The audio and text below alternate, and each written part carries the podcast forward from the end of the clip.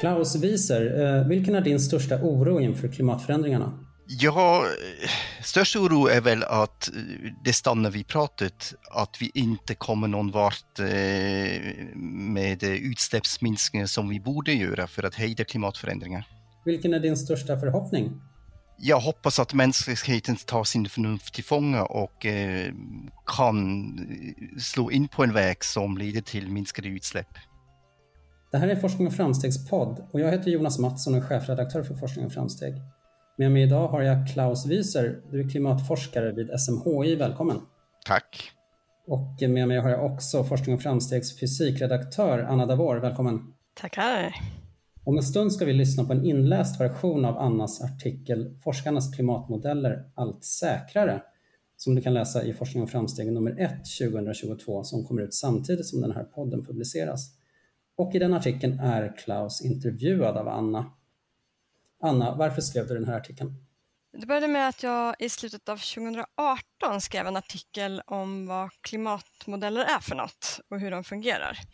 Och sen så kom den senaste delrapporten från IPCC nu i höstas och då såg jag att osäkerhetsspannet har minskat och det var inte minst i det som kallas för klimatkänslighet. Eh, det är alltså hur jordens medeltemperatur eh, svarar på en fördubbling av koldioxidhalten i luften. Eh, så jag tittade på det där och så började jag fundera på hur de här måtten på noggrannhet beräknas egentligen och hur de hanteras i modellerna. Och så tänkte jag att det kunde bli en intressant uppföljning på den förra artikeln. Så de har fått en, en ny eh, grad av precision, de här klimatmodellerna. Uh, Klaus, hur, jag tänkte bara börja med att fråga, hur hamnade du i klimatvetenskapen? Hur kommer det sig att du forskar om det du gör? Ja, det började med att jag läste fysik och eh, som då en specialisering eller eh, inriktning på, i fysik valde jag atmosfärsfysik och klimatologi. Och på den vägen är det. Och du har varit med och gjort en del av de beräkningar som ligger till grund för IPCCs delrapport eller deras rapporter och den som kom i augusti som just handlar om de naturvetenskapliga grunden till klimatförändringarna. Hur går det här arbetet med IPCC till från ditt perspektiv? Hur hamnar man där och vad är, vad är det man gör rent konkret? Ja, man måste skilja här lite mellan IPCC och CMIP. IPCC det är ju det här internationella panel som ska sammanfatta forskningsläge. Eh, och de ska då titta på alla möjliga forskningsrapporter under de senaste eh, fem, sex, sju år och skriva en, eh, en sammanfattning över eh, vad vi kan och vet och hur det har utvecklat sig. Sen har vi klimatmodellering och där kommer CMIP in och det är ju Coupled Model Intercomparison Project och det är ett projekt som har pågått sedan 90-talet ungefär. Eh, de har olika faser. Just nu har vi gjort fas 6 av det här eh, projektet och det är då en eh, säg, beauty contest mellan klimatmodeller. Så vi, vi, vi, tar alla klimatmodeller som vill vara med, kan vara med, kör samma typ av experiment och vi lägger alla resultat i en stor databas som man sen kan använda för att göra eh, klimatforskning i största allmänhet baserat på klimatmodellering. Och det här är sen underlag till IPCC, så CMIP och IPCC är inte samma sak. CMIP producerar underlag som IPCC använder, men IPCC använder sig inte bara av klimatmodellering utan de kan även titta på paleodata, de kan titta på klimatrekonstruktioner, de kan titta på teoretisk kunskap om klimatsystemet och så vidare. Eller känslighetsstudier, de kan studera enstaka processer. Så det är inte bara den här typen av eh, klimatmodellering som vi simulerar det gångna eller det historiska klimatet och det framtida klimatet, utan de har en mycket bredare kunskapsbas då. Och det ser man också i bland annat det här eh, klimatkänslighet som Anna pratade om förut. Så om man bara tittar på klimatkänslighet i klimatmodeller då ser man att de ligger någonstans mellan kanske 2 och 6 grader, den här, det här värdet. Däremot i IPCC-rapporten står det att det är sannolikt att det ligger mellan 2 och 4 grader. Och det har helt enkelt med att i IPCC-rapport har man tagit med annan kunskap. Så eh, i, i fackspråk är det då andra lines of evidence som man också har vägt in. Så man tittar inte bara på klimatmodeller utan man tar annan kunskap också med som hjälper oss då att reducera den här osäkerhet. Så det är inte bara baserat på modellerna. Så det är lite skillnad mellan CMIP och IPCC. Jag känner att jag måste få det här begreppet klimatkänslighet förklarat ännu en gång. Kan ni hjälpas åt att förklara det? Ja, ska jag göra ett försök den här gången? Varsågod. Så, så klimatkänslighet är egentligen väldigt enkelt. Så det, det, frågan är, vad händer, eh, hur mycket varmare blir det om vi dubblerar an, andelen koldioxid? Så vi, vi bara dubblerar koncentrationen av koldioxid i atmosfären. Och så låter vi atmosfären komma till någon nytt eh, jämviktstillstånd. Så det, det, tar ju en stund eftersom eh, om vi, när vi dubblerar koldioxid så ändrar vi strålningsbalans. Detta kommer då att leda till en annan temperaturfördelning på jorden, annan avdunstning, molnen kommer att flytta sig lite grann på sig, kanske isen smälter någonstans. Eh, albedo ändrar sig. Så det finns massa effekter, så det är sådana eh, feedback då i klimatsystemet som man då har som man måste då ta hänsyn. Och när man har väntat tillräckligt länge så hamnar man på en nytt jämviktstemperatur. Och skillnaden mellan det här nya jämviktstemperatur och det som man startade ifrån, det kallar vi för klimatkänslighet. Vill du tillägga något Anna? Nej, eh, egentligen inte. Det är väl det. Man fördubblar koldioxidhalten. Hur mycket ökar temperaturen? När vi började prata om den här artikeln på redaktionen, då hade ju inte 2021 års Nobelpriser eh, tillkännagetts ännu. Så du höll ju på att fundera i alla fall på den här artikeln när eh, fysikpriset tillkännagavs i början på oktober. Suki, säger man Mana, Manabe? Manabe? Manabe. Manabe och Klaus Hasselmann de tilldelades Nobelpriset i fysik för att ha lagt grunden till dagens klimatmodeller. Anna, hur reagerade du när det eh, priset tillkännagavs? Jag blev förvånad i alla fall, det blev jag. För att eh, jag förväntade mig inte eh, att de skulle gå åt det hållet i Nobelkommittén.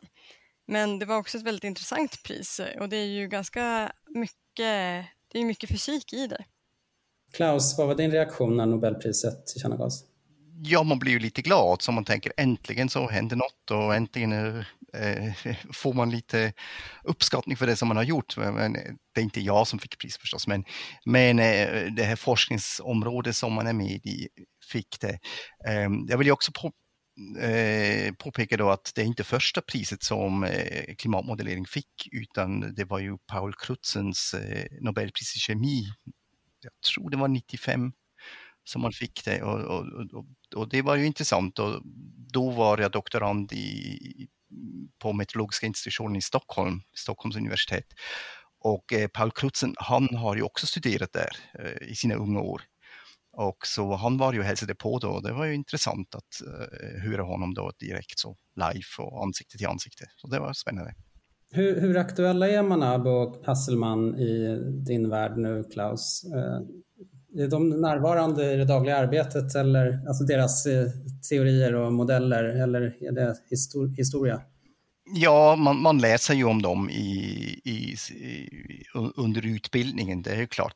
Jag menar, det har ju hänt en hel del. De var ju, det är ju äldre herrar nu för tiden, så de är ju över 90 eller de är 90 år gamla. Um, så, de var ju med från början och de har ju jobbat med de första datorerna som fanns tillgängliga för eh, klimatforskning egentligen på 60-talet. Så, så de har ju hängt med ett tag. Eh, så dagens modeller är ju kanske lite eh, mer avancerade eller sofistikerade än vad Manabe och Hasselman har använt. Men eh, deras teorier och, och eh, deras bidrag, de är ju ovärderliga, det måste man säga. Um, för min, min bakgrund är det kanske mer att jag är mer trogen med eh, Manabes Eh, bidrag till klimatvetenskap. Han var ju den första som kopplade ihop strålningsmodell och konvektionsmodell i en endimensionell klimatmodell då, och kunde på så sätt förklara varför vi har den här temperaturprofilen i atmosfären som vi, som vi ser, som vi kan observera. Så man, man vet ju att temperaturen avtar med höjd upp till 10-12 kilometers höjd ungefär, eh, tropopausen som, som det kallas då och hur den här gradienten ser ut. Att, att den inte bara beror på eh, strålning utan den beror på samspel mellan strålning och konvektion, det var ju Nabe först med. Sen har han också varit med i utvecklingen av den första kopplade klimatmodellen mellan atmosfär och hav. Eh, så, så, så, det är definitivt eh, att, att det var viktigt, eller han har gjort viktiga bidrag till det här fältet. Anna, du har ju skrivit om eh, fysikpriset i det nummer av Forskning och framsteg som kom i december, nummer 10 2021. Eh, eh, kan du dra lite, vad är skillnaden på Manabes och Hasselmans bidrag? Ja, det Manabe gjorde var att utveckla klimatmodeller där man kunde använda datorer för att göra beräkningar av vad som händer med klimatet om saker ändrar sig. Men Klaus Hasselman han jobbade med eh, hur man kan se på bruset kan man kanske säga i vädret, alltså hur, hur små förändringar som sker hela tiden, hur de hänger ihop och kan relateras till långsiktiga klimatförändringar, alltså det, eh, den stora skiftningen så att man kan läsa ut en klimatförändring ur det här bruset av ständigt olika väder som vi har. Mm. Vad säger du Klaus? Ja, det, det, stämmer ju som Anna säger, så att eh, det, det är samband mellan eh, väder och klimat egentligen. Så hur kan vi se eh, en klimatförändring trots att vi har varierande väder varje dag? Så hur kan vi se de här långsiktiga trenderna? Hur kan vi separera skalor? Eller något sånt, så, så kan man säga. Sen har den gjort en annan viktig del också och det är det här fingerprinting. Som, så att man kan ta ett fingeravtryck och, och, och det är en liten speciell metod. Eh, som går ut på att eh, varje ändring i klimatsystemet, så om, om man ökar växthusgaser eller om man ändrar eh, albedo i, över marken eller om havsis försvinner, så de lämnar ett viss signal i klimatsystemet. Och de skiljer sig lite grann. Så den ena leder till exempel till en högre uppvärmning i, högre upp i atmosfären och den andra leder till kanske en, en annan strömningsmönster vid ekvatorn. Och de här olika fingeravtryck av de olika förändringarna, de kan användas idag för att till exempel eh, försöka uppskatta hur stor andel av en klimatförändring kommer från naturlig variation, till exempel vulkanutbrott eller eh, ändring i solarkonstanten eller eh, den typen av ändringar. Och hur mycket kommer från mänsklig påverkan, så hur mycket kan vi faktiskt tillskriva eh, växthusgasutsläppen eller aerosolutsläppen och sånt. Så, så den, den metoden den blir ju allt viktigare. Och det har ju kommit nu efter sommarens översvämningar och, och, och värmeböljor kommer ju alltid frågan, är det nu en klimatförändring eller är det bara väder? Och, och då kommer all den här teorin in med de här eh, fingeravtryck och, och hur kan vi separera det här egentligen, de här två sakerna. Manabo och Hasselman, det var på 60-talet de presenterade sina modeller va? Eh, man kan gå ännu längre tillbaka i tiden, till Stockholm också då, till Svante Arrhenius, den svenska kemisten och fysikern. Han gjorde en klimatmodell 1896 och han såg den här klimatförändringen och uppvärmningen som något positivt. Eh, men, och det har ju förändrats, eh, den värderingen, eller ja, analysen och konsekvenserna.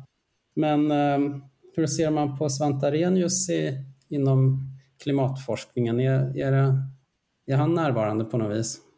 Ja visst, det citeras ju hela tiden så. Man sa Svante Arrhenius var den första som kom på det. Som, jag skulle säga, han var inte den första som upptäckte att det fanns något som heter växthuseffekt. Han var inte ens den som myntade begreppet växthuseffekt för att säga så.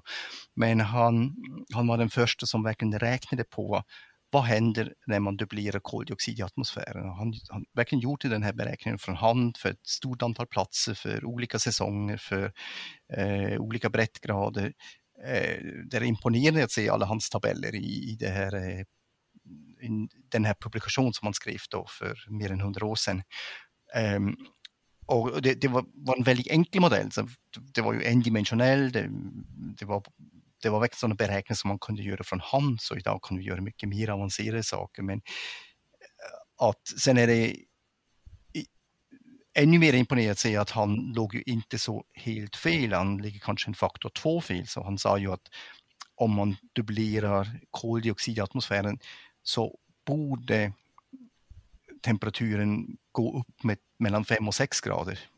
Och i senaste IPC-rapporten säger vi att den går upp mellan 2 och 4 grader. Så han, han var lite, ligger lite fel, men, men med tanke på den, det här primitiva sättet hur han eh, kunde räkna på den tiden så var det ju väldigt, eh, verkligen bra, måste jag säga. Sen vill jag också säga att det är intressant eh, att, att han såg ju det här eh, som något slags positivt då att eh, ja, men det, det är skönt som mänskligheten kan påverka klimatet på ett, lång, på ett långsamt sätt. Eh, och det var faktiskt så när jag gick då i åtminstone i grundskolan, så lärde vi oss lite om, om klimat och väder. Så. Och då var det ju fortfarande så att eh, vi lärde oss att vi går mot en ny glacial period, så att vi, vi är i en interglacial, så att vår framtid kommer att bli kallare än vad vi har nu. Så, och på så sätt skulle det ju en mänsklig påverkan som leder till en lite varmare värld skulle vara väldigt välkommen på så sätt. Så att... Ibland hör man ju en kritik mot klimatmodeller att de, de, det är teorier som inte har något med verkliga förhållanden att göra, att det är liksom teoretiska modeller. Eh, vad svarar du dem, Klaus? En modell är ju alltid en modell, det är ju aldrig verkligheten, så vi, vi, vi kan inte simulera Eh, varenda molekyl i atmosfären och varenda foton som kommer från solen. Som, så att, att vi, vi, vi gör ju förenklingar och vi, vi försöker ju eh, systematisera det på något sätt. Så, så att det, det är alltid en förenkling och eh, vissa saker är ju bra och vissa saker fungerar kanske mindre bra. Eh, man måste ju också skilja det här med vad är egentligen den viktiga signalen och vad som är brus? Så om någon kommer och säger, ja men eh, före vintern var väldigt mild och, eller, eller var väldigt kallt och det passar inte alls in med det mönstret. Men då säger man, ja men det var ju bara en, en vinter eller en säsong eller ett år. Eh, vi, däremot är ju frågan, vad händer i det långa loppet och vad händer i genomsnitt? Det är ju de saker som vi vill undersöka inom klimatvetenskap. Mm. Och hur gör man då för att verifiera de här teoretiska modellerna mot verkligheten? Dels försöker man ju verifiera så mycket det går de enstaka processer. Så vi vill ju, eh, om jag då tar eh, ett gebit från mitt bakgrund, strålningstransport i atmosfären, så vill vi ju ta den här strålningsmodellen som finns i alla klimatmodeller och eh, och jämföra den med, med exakta mätningar. Så vi vill säga, här, här, har vi uppmätt från satellit till exempel. Här kan vi se hur mycket strålning reflekteras tillbaka till rymden, hur mycket som släpps igenom i atmosfären, på vilken höjd absorberas den och så vidare. Så vi, vi kan få många detaljer så, så vi kan studera processnivåer. Det kan vi dock inte göra för långa tidsperioder eller för alla platser för vi inte har tillräckligt mycket med data. Helt enkelt. Så, men, men men vi kan i alla fall, de där vi har data, där vi har mätserier, de kan vi använda för att eh, validera då vår modell. Um, men sen packar vi ihop en strålningsmodell med en konvektionsmodell, med en havsmodell och så vidare. Och så eh, varje modell i sig har vissa osäkerheter som så, som vi är lite osäkra på hur, hur pass bra det är. Så om vi lägger ihop det kan det ju bli väldigt fel, förhoppningsvis inte. Eller, eller så, så måste vi ju anpassa de här och, och kanske de här växelverkningarna mellan de olika komponenterna eh, måste vi då justera och, och, anpassa så att, att modellen blir, blir, blir då rätt. Och det ska ju då bli rätt i Eh, egentligen i, för att reproducera samma statistik som vi har av Feds, så det är ju det som är klimatet. Så vi vill kanske inte, eh, inte alla gånger reproducera exakt vädret på julafton 1984. Men om vi säger att vi kan säga hur varmt är det i genomsnitt eh, på vintern under en 30-årsperiod. Det är ju det som vi vill försöka åstadkomma. Mm. Vilka, vilka är dagens modellers största styrkor skulle du säga?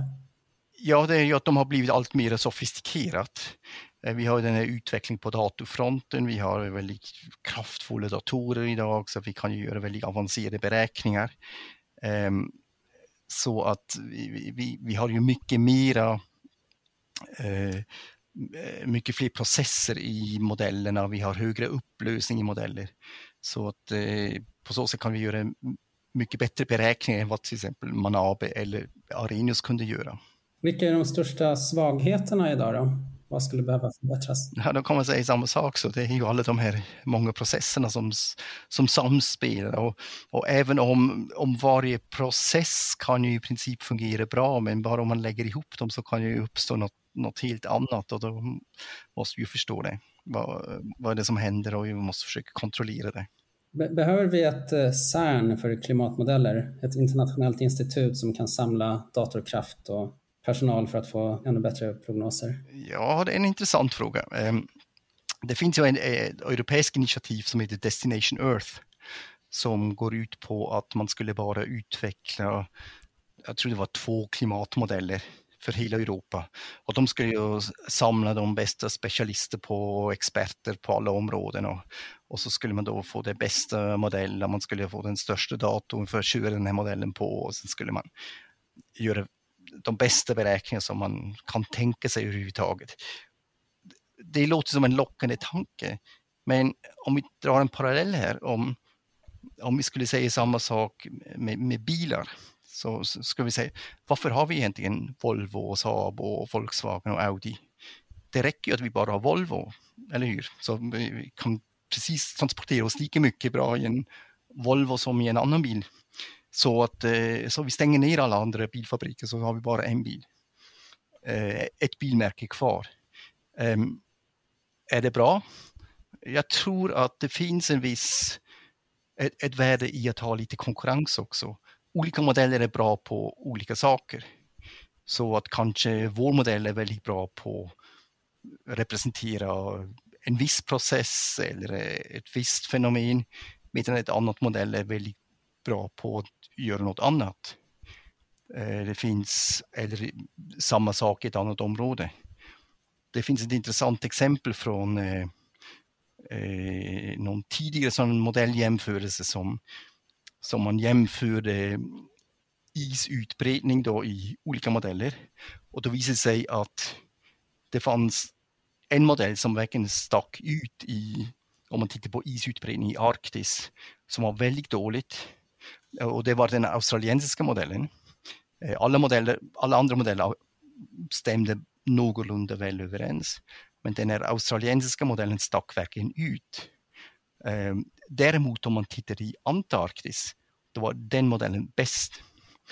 Och en förklaring är då förstås att eftersom det var australiensiska forskare som har utvecklat den klimatmodellen, eh, de tittar ju först utanför sin egen dörr och de tittar på det som är viktigt för dem. Och de försöker få modellen att fungera så bra som möjligt i deras eh, omgivning. Och likadant så gör vi vår modell bäst i Arktis för att Eh, ja, det, det, är ju det som påverkar vårt väder och vårt klimat. Så därför måste ju modellen vara, vår modell vara bra i Arktis. Och om den inte är så bra i Antarktis, ja, det är inte skönt men vi kan leva med det. Under 2022 kommer slutrapporten från arbetsprogram 6 där vi har fått en delrapport redan och två till kommer i början av året. Eh, Klaus, vad ser du fram emot mest eh, i de här rapporterna? Ja, jag tycker de är ju väldigt spännande. Ehm, så del 1 har ju släppts i år. Den handlar om den naturvetenskapliga grunden. Ehm, del 2 kommer att handla om eh, klimatanpassning, så hur kan vi anpassa samhället till till de här klimatförändringarna som vi redan ser och som vi förväntar oss i en kommande framtid. Eh, del tre kommer att handla om eh, vad kan vi göra då för att bromsa klimatförändringarna? och sen kommer det en sammanfattningsrapport då i slutet som på något sätt försöker ta de här tre delarna och göra någon slags syntes av det hela. Vad, vad, forskar du om just nu, Klaus? Jag har lite olika projekt. Så dels har jag, ligger vi i sluttampen med det projekt där vi undersöker hur eh, klimatet förändrades under eh, covid-pandemin. Så i början på covid-pandemin så har man ju haft väldigt kraftiga restriktioner på eh, flygningar, man har lagt eh, ner mycket flygtrafik och då var ju en fråga, blir det då ett signal på klimatet av det? Och då har vi gjort en, en hel del simuleringar, klimatsimuleringar. Eh, också våra kollegor i andra länder har gjort samma simuleringar. Vi har lagt ihop alla våra data och nu håller vi på att skriva någon slags eh, slutrapport om det här. Mm. Finns det några resultat du kan dela med dig av? Ja, att man inte ser så mycket, tyvärr. Så att eh, den här, eh, även om de här restriktionerna var väldigt kraftiga och eh, påverkar ju väldigt många personer, eh, ja, då, precis under våren 2020, eh, så har det ingen betydelse för klimatet ja, om, om vi tar det under 30 års genomsnitt. Anna, vad, vad lärde du dig av att skriva den här artikeln? Jag fick väl anledning att fundera lite grann på det här med hur man pratar om osäkerhet och så, för att det är lite psykologiskt knepigt egentligen, det begreppet. I vetenskapen så brukar man ju kvantifiera osäkerheterna kring sina mätvärden till exempel och det är ju en helt vanlig grej. Men när man till vardags pratar om osäkerhet så menar man att man inte vet. Eh, och det är liksom lite en annan grej man menar. Så att, eh, jag tyckte det började bli lite svårt det där begreppet, eh, att veta hur jag skulle eh, handskas med det. Så det var intressant att fundera på. Nu ska vi lyssna på din artikel Anna. Eh, tack Anna och tack Klaus. Annas artikel heter Forskarnas klimatmodeller allt säkrare och den finns även att läsa i Forskning och framsteg 1 2022. Du som vill prenumerera på Forskning och framsteg kan alltid gå in på fof.se podderbjudande. Artikeln är inläst av Per Lagergren. Varsågod och lyssna. Att räkna ut framtidens klimat är ingen exakt vetenskap, men modellerna blir allt bättre, vilket syns i IPCCs senaste rapport. Text Anna Davour. I augusti 2021 kom över 160 mm regn över Gävle på ett dygn. Det är mer än det brukar regna på två månader. Hela kvarter blev översvämmade och vägar försvagades och rasade. Ännu värre var det ungefär en månad tidigare i Tyskland och Belgien. Floder svämmade över i tättbefolkade områden och i nyheterna fick vi se bilder av villaområden som förvandlats till högar av bråte. Stora regnmängder är en typ av extremväder. Värmeböljor som den vi upplevde sommaren 2018 är en annan. Är det så här det kommer att vara nu framöver? FNs klimatpanel IPCC släppte en delrapport från kunskapsutvärderingen AR6 i augusti 2021 som sammanfattade den naturvetenskapliga grunden till klimatförändringarna. Där kunde vi läsa, bland annat, att det är mycket sannolikt att händelser med stora nederbördsmängder kommer att bli vanligare och kraftigare i de flesta regioner världen över allt eftersom klimatet värms upp. Citat Mänskligt orsakad klimatförändring påverkar redan många väder och klimatextremer i alla områden jorden runt. Sambandet mellan observerade förändringar i extremer, som exempelvis värmeböljor, skyfall, torka och tropiska cykloner och hur de påverkas av mänsklig klimatpåverkan har stärkts sedan AR5." Slutcitat. Helt klart är att kunskapen om klimatet har blivit allt bättre och osäkerheterna har minskat sedan den förra utvärderingen AR5 som kom 2014. Varför låter då klimatforskare så svävande när vi journalister frågar dem om översvämningarna beror på klimatförändringarna? Standardsvaret är att ja, det här är ju bara en enskild väderhändelse så man kan aldrig koppla det direkt till klimatet. Men det är i linje med det vi väntar oss framöver, säger Gustav Strandberg, klimatforskare på SMHI.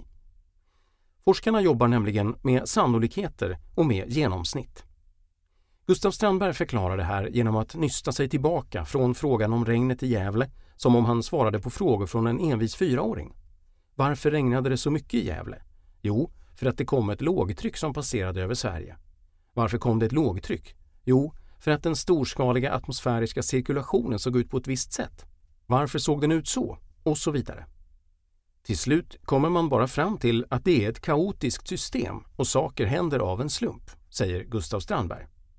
Det går helt enkelt inte att hitta punkten där det går att peka på att jo, här kommer den ökande koldioxidhalten och gör just den här händelsekedjan nödvändig på just den här dagen. Istället handlar det om till exempel hur ofta kraftiga regnväder förväntas inträffa. Även om vi inte kan säga att ett visst oväder beror på klimatförändringarna så kan vi säga att om det händer oftare så kan det vara för att klimatet förändrats, säger Gustav Strandberg. Det betecknas numera som otvetydigt att mänsklig aktivitet värmer upp jorden. Medeltemperaturen på jordytan under åren 2010 till 2019 är sannolikt mellan 0,8 och 1,3 grader högre än under perioden 1850 till 1900 enligt IPCC. Det låter inte så mycket, men temperaturökningen har ingen motsvarighet på flera tusen år. De senaste liknande perioderna av uppvärmning har dessutom kommit långsamt medan den nuvarande uppvärmningen är mycket plötslig. Klimatet på jorden påverkas av många olika faktorer. Klimatsystemet innehåller olika typer av återkopplingar, effekter, som förstärker uppvärmningen eller i vissa fall motverkar den, som med utsläpp av partiklar som reflekterar bort en del av solljuset. Det gäller att få någorlunda kläm på alla faktorer. Ett sätt att samla in alla effekter i en enda siffra är att tala om jordens klimatkänslighet. Med det menas oftast hur mycket den globala medeltemperaturen påverkas av en fördubblad koldioxidhalt i luften jämfört med förindustriell nivå på 280 ppm. I IPCC-rapporten från i augusti anges klimatkänsligheten till 3 grader med ett sannolikt intervall från 2,5 grader Celsius till 4 grader Celsius. Det här intervallet har krympt ganska mycket sedan den förra rapporten som kom ut 2014 då det var mellan 1,5 grader Celsius och 4,5 grader Celsius. Det är ett tydligt exempel på hur kunskapen om klimatet har skärpts och osäkerheterna snävas in. Hela jorden värms dock inte lika mycket eller i samma takt. Arktis värms till exempel ungefär dubbelt så snabbt som resten av jordytan. För att förstå mer om vad klimatförändringarna betyder och vilka de konkreta konsekvenserna blir måste man titta på detaljerna i klimatsystemet. Forskarna skapar sig en förståelse för klimatet genom att bygga klimatmodeller. Utvecklingen beräknas i ett tredimensionellt rutnät som täcker hela den del av jorden som modellen omfattar. Beräkningarna stegar sig fram genom tiden och i varje tidssteg beräknas lösningarna på ekvationer som styr olika fenomen i varje cell i rutnätet. De här modellerna har blivit mycket bättre genom åren. Klaus Wieser är klimatforskare på SMHI. Han och hans forskargrupp har bland annat kört några av de beräkningar som ligger till grund för IPCC-rapporten från augusti. Han berättar hur klimatmodellerna har utvecklats de allra första datormodellerna som Syukuru Manabe utvecklade på 1960-talet innehöll bara luften och vattenångan i atmosfären. För det här arbetet belönades han med Nobelpriset i fysik 2021. Under 1970 och 80-talet infördes moln och nederbörd. Det fanns också havsmodeller, men i början hanterades de helt separat från atmosfärsmodellerna. Med tiden kopplades de olika delarna ihop och blev allt mer detaljerade och realistiska. De tog hänsyn till växelverkan mellan strålning och växthusgaser och dess effekt på temperaturen. Men klimatet är inte bara fysik, det är också kemi, påpekar Claes Wyser. Svavel spelar stor roll i molnbildning och från 1990-talet började kemi i form av en svavelcykel byggas in i klimatmodellerna. Nu är man inne på att man ska ha kolcykeln med också vi vet att det vi släpper ut till viss del kommer att stanna i atmosfären och till viss del absorberas i både havet och växtlighet. Då krävs biokemi i havet och en vegetationsmodell, säger Claes Wyser. Ändringar av koldioxidhalten i luften är en viktig del i klimatmodellerna. Det finns fortfarande många modeller där sådana upptag och utsläpp av kol från havet och växtligheten måste beräknas vid sidan om och matas in för hand men i mer sofistikerade modeller ingår detta i själva modellen. Växtligheten spelar också roll på fler sätt än som en del av kolcykeln. Det här är något som Gustav Strandberg arbetar med. Lokalt eller regionalt kan det göra stor skillnad för temperatur och nederbörd om landskapet domineras av öppen åkermark eller tät skog, säger han. I debatten om hur en klimatkris ska hanteras finns det visioner om att odla mycket mer växter för att utvinna bioenergi. Om en stor andel skogsmark tas i anspråk för att odla energigrödor kanske det inte påverkar det globala klimatet så mycket, men det kan ha effekter i det närmaste området. Just nu arbetar Gustav Strandberg bland annat med att förstå hur människan har påverkat sitt lokala klimat långt tillbaka i tiden, även långt innan människor började använda stora mängder fossila bränslen. För ett par tusen år sedan när man började påverka skogen i Europa genom att ta ner den för att det ska bli lättare att jaga eller för att ha som bränsle, då fick man en klimatpåverkan också eftersom markytans egenskaper ändrade sig, säger Gustav Strandberg. Vi kanske inte tänker oss att forntidens människor hade så stor påverkan men det finns faktiskt belägg för att människor i tiotusentals år har påverkat landskapet, inte minst med eld. Enligt Klaus Wieser finns det tre olika sorters osäkerhet som forskarna behöver hantera för att kunna modellera och förstå framtidens klimat. Det handlar för det första om modellerna själva med alla de här olika delarna som ska passas ihop. För det andra handlar det om de värden som matas in i modellen utifrån kunskapen om hur världen faktiskt ser ut, initialtillståndet i beräkningarna. För det tredje finns det osäkerheter som kommer av att vi inte känner till framtidens utsläpp av växthusgaser och andra framtida åtgärder som påverkar klimatet. Den första kategorin av osäkerheter hanterar forskarna genom att hela tiden förbättra modellerna. Eftersom vi har tillgång till mer datorkraft har det gjort två saker. Vi har ökat upplösningen så att vi får mer detaljer. Vi har också fått möjlighet att beskriva fler processer direkt, säger Gustav Strandberg. Vissa fenomen kan inte beskrivas i modellen, till exempel moln som är mindre än cellerna i modellens rutnät. Sådana fenomen måste hanteras som parametrar, siffror som stoppas in i modellen istället för att räknas ut. Vissa förenklingar behövs alltid. Hela klimatsystemet vilar på mikroskopiska processer som hur molekyler växelverkar med solljus och värmestrålning som inte kan modelleras exakt. För att kunna beskriva det exakt skulle man behöva beskriva varenda atom i atmosfären och varenda foton som kommer från solen, säger Klaus Wyser. Det gäller att göra lagom förenklingar så att modellen kan reproducera processerna så realistiskt som möjligt. Resultatet ska helst jämföras med verkligheten för att se att de fungerar, menar Klaus Wyser. Men här kommer också den andra kategorin av osäkerheter in. Om du mäter temperatur, då har du en termometer, kanske en halv centimeter stor. Och det ska du jämföra med en ruta som är 100 gånger 100 kilometer. Om modellen skiljer sig 0,5 grader från mätningen, är det då fel eller stämmer det ungefär? Redan att veta hur observationer ska jämföras med modellen är alltså svårt. Helst vill Klaus Wyser jämföra med satellitdata för sådana mätningar görs med en upplösning som stämmer bättre ihop med storleken på modellernas rutor. Dessutom finns det aldrig perfekt kunskap om hur olika mätvärden ser ut över hela jorden. Särskilt svårt blir det när det gäller att jämföra modellen med olika perioder längre tillbaka i tiden, före temperaturmätningarna. Då finns det bara indirekta rekonstruktioner av hur klimatet har varierat, till exempel genom analyser av borrkärnor från glaciärer. Det är här som den stora skillnaden mellan klimatmodeller och väderprognoser visar sig. En väderprognos behöver pricka in vilken dag det ska regna och vilken dag det blir sol, annars är prognosen meningslös. I klimatmodellerna är det däremot bara medelvärdena över längre sikt som spelar roll. Vi kan prata om kalla och varma somrar och hur mycket snö man har på vintern. Har man storlekarna rätt spelar det ingen roll i vilken ordning de kommer för medelvärdet och annan statistik blir ändå samma, säger Gustav Strandberg. Det finns alltid en intern variabilitet i klimatet som gör att olika år kan skilja sig åt. Det beror på sammanträffanden mellan olika fenomen som varierar. Vi kan inte förutsäga dem, de bara händer ibland utan att det finns en extern utlösare. Då har man en värmebölja på ett ställe och torrt på ett annat ställe och det regnar jättemycket på ett tredje ställe, säger Klaus Wieser.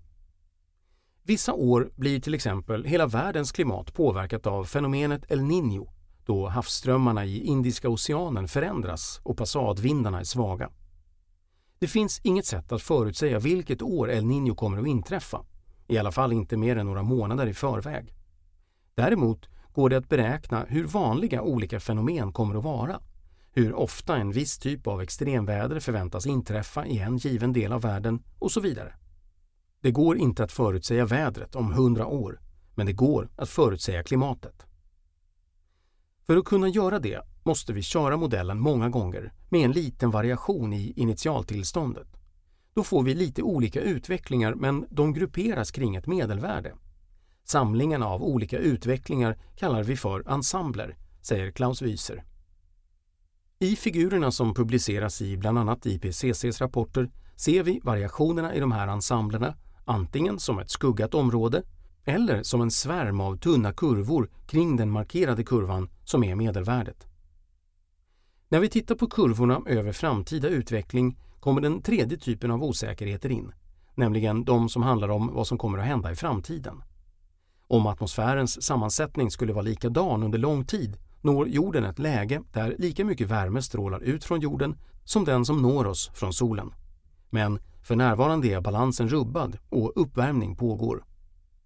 Även om vi kunde sluta med alla utsläpp nu skulle uppvärmningen ändå fortsätta några decennier tills en ny jämvikt har uppnåtts och jorden återigen strålar ut lika mycket energi som den tar emot. Att stoppa alla utsläpp av växthusgaser verkar vara omöjligt. Men hur klimatet utvecklas på lång sikt beror på hur vi människor agerar. Därför har IPCC tagit fram olika scenarier som utgår ifrån olika antaganden om hur teknik, politik och befolkningsutveckling kommer att bli och vilka utsläpp av växthusgaser de olika utvecklingarna innebär. Det finns inget sätt att avgöra vilket scenario som kommer att inträffa utan det beror helt på vilka beslut vi människor fattar framöver. Alla de tre olika kategorierna av osäkerheter kommer att finnas kvar, även om de blir mindre. Däremot kan forskarna lära sig att förstå dem och tolka dem och på så vis bättre ringa in vad som faktiskt händer med klimatet. Rapporter i IPCCs sjätte arbetsprogram. FNs klimatpanel IPCC utvärderar och sammanställer den aktuella klimatforskningen. Hittills har fem stora sammanfattande rapporter gjorts. Den senaste kom 2014. Det sjätte arbetsprogrammet har pågått sedan 2018 och avrundas 2022. Resultatet läggs fram i tre delrapporter och en syntesrapport. Delrapport 1. Den naturvetenskapliga grunden, augusti 2021. Delrapport 2. Effekter, anpassning och sårbarhet, februari 2022. Delrapport 3. Att begränsa klimatförändringarna, mars 2022. Syntesrapport, oktober 2022. Du har lyssnat på ett samtal, ett reportage från Forskning och framsteg. För att prenumerera på Forskning och framsteg, gå in på fof.se podderbjudande. Rösten i reportaget är Per Lagergrens.